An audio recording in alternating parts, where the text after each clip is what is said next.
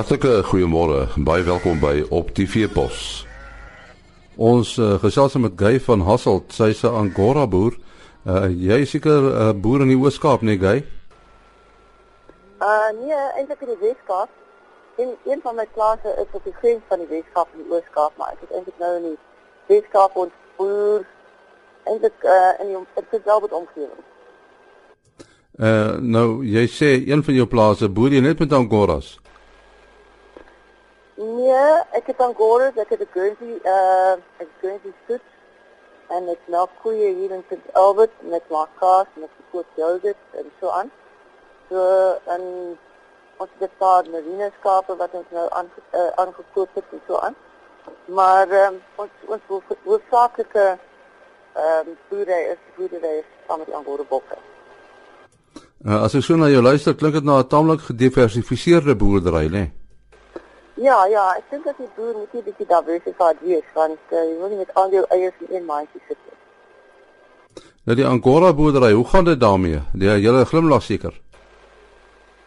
Ja, jy weet op die oomblik gaan dit baie baie goed. Die Angora is uh uh volgens my mening seker die beste winsgewende livestock boerdery wat 'n mens op die oomblik kan doen.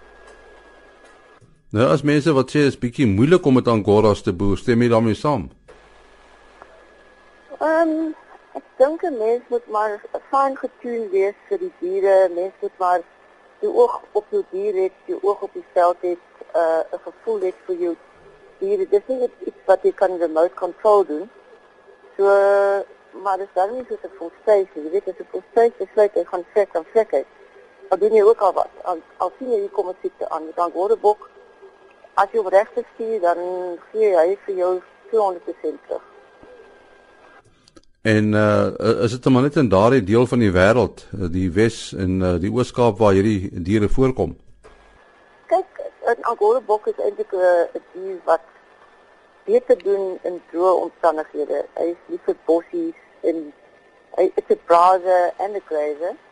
So ek sien eintlik 'n dier wat baie lief is vir grasveld, alhoewel jy hulle hulle kom voor in die grasvelde, maar hulle doen baie beter in die Karoo. En waar jy nou soos ek sê waar die bossies voorkom en die doringbome en so aan. En en hoeveel angora bokke het jy, Gail? Ek het omtrent uh duisend olie wat ek elke jaar dek. En dan kry ek omtrent 115 tot 120% ehm um, steenpersentasie.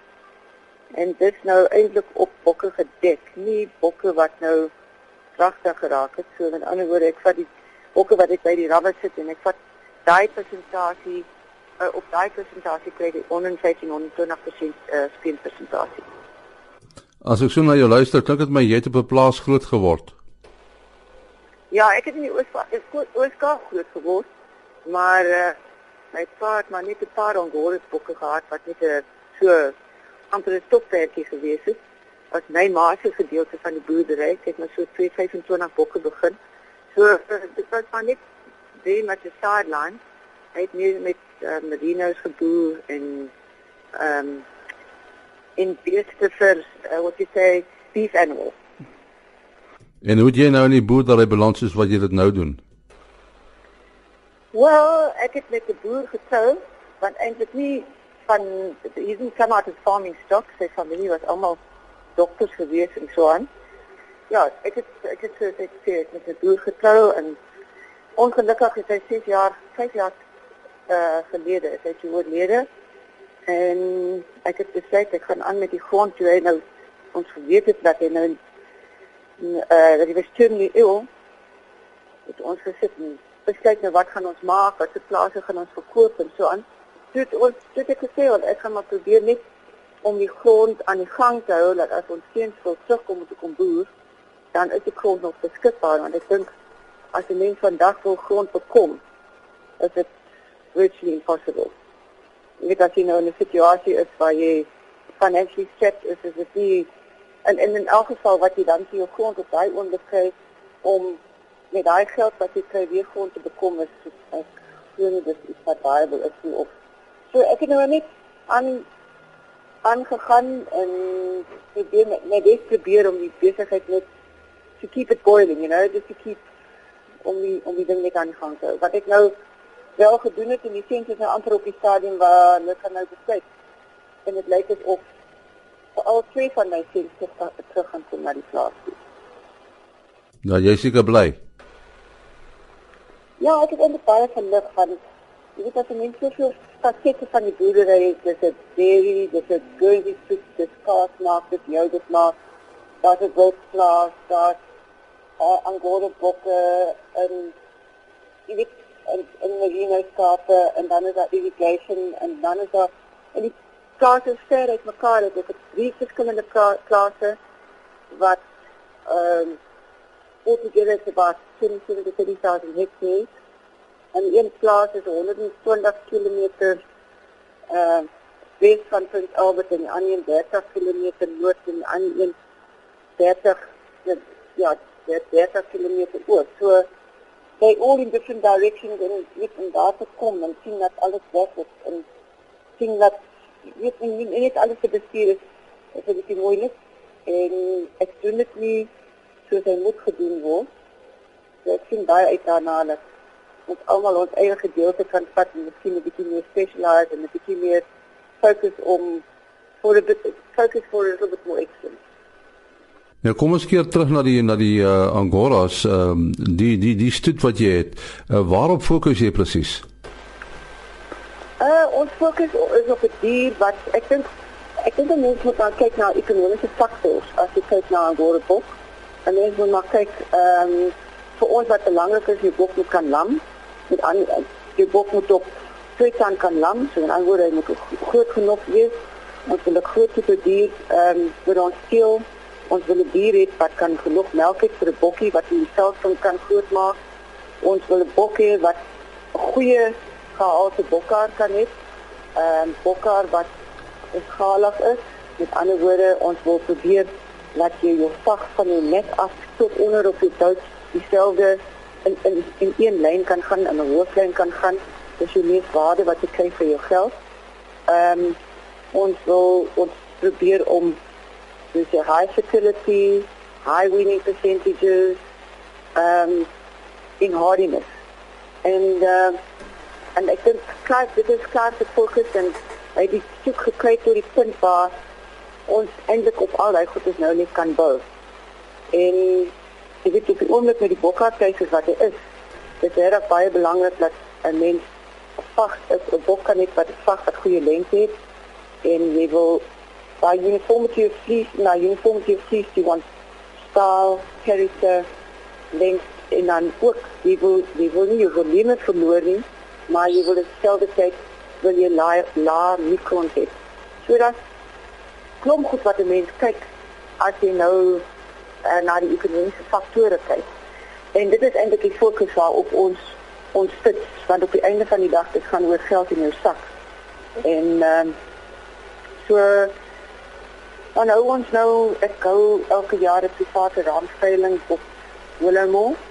En hierdie in Januarie hou ons 'n private veiling op die 15de Januarie in Willowmore en in Bokke gaan so 9:00 die oggend dit is beskikbaar vir mense om weer te kyk en 11:00 gaan die gaan die veiling begin.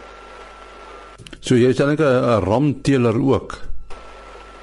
Ja ja, ons het dan gou uh, ja, ons het uh, ons ons probeer om om hooggehalte bokke te til en ook bokke wat eintlik in die bedryf kan ingaan wat kommersiële boere kan gebruik om die ekonomiese waarde van die angora bok om wat het, om wat eh uh, sal dit sê to to reap the benefits van die ekonomiese waarde van angora bok.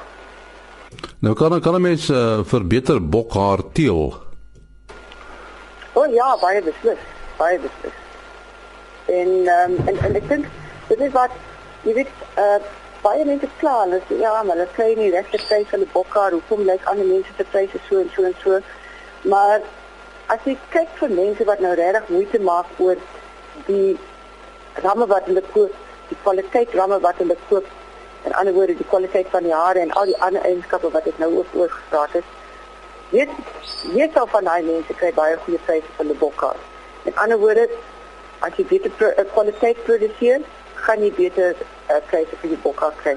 En ek voel dat elke boer moet eintlik gefokus het om kwaliteit bokke aan te hou want in my uh in my view hoe maak net moeite oor 'n bok wat nie die moeite werd is. As jy gaan boer met 'n ding, boer met 'n ding wat goed is en wat goeie returns vir jou gaan gee. Goed, dan net weer die datum van die veiling, waar presies vind dit plaas? Uh op Willemo op die 15de Januarie 9uur gaan die besigting, dit die woord besigting wees en dan 11uur is die veiling, dis op die skouvolle in Willemo. Ehm um, ja, en ek dink ons gaan so, dan gaan ons sien dat jy nie taf rammetjies wees, top gehalte rammetjies wat in die veld uh, wat nou en ook veldomstandighede groot geraak het. So hulle is goed aangepas op veld veldomstandighede en dan gaan daar ook uh baie goeie tweestand oortjies ook wees as ek sal so sê, miskien so 50 oortjies. So die gehalte van die vee wat daar gaan opwees gaan van 'n hoë kwaliteit wees. Goed, uh, as daar 'n telefoonnommer uh, wat mense kan skakel as hulle meer inligting wil hê. Ja, ehm um, hulle kan vir my bel. My nommer is 082 31 465. Kan jy net jou nommer weer herhaal? Okay, dis 082 56 31 465. En dan ook op die veiling het ek ander gaste uh, wat saam met my verkoop. Freden Billy Colborn, Dennis Hobson, Lloyd and David Short en um, en uh, Samuel, Samuel Goodere. Verkoop ook saam dan. Nee, ons sê baie dankie aan Guy van Hasselt. Jy het gehoor sy is 'n uh, vrou wat uh, op 'n baie besondere manier boer en onthou dan die veiling die 15de Januarie. Dit was uh, dan op die veepos. Ons is maandagooggend weer terug en uh, die tyd wat ons uitsaai is kwart voor 5 elke weekoggend onthou. Elke weekoggend om kwart voor 5 op die veepos hier op RSG. Tot maandag, mooi loop. Ah.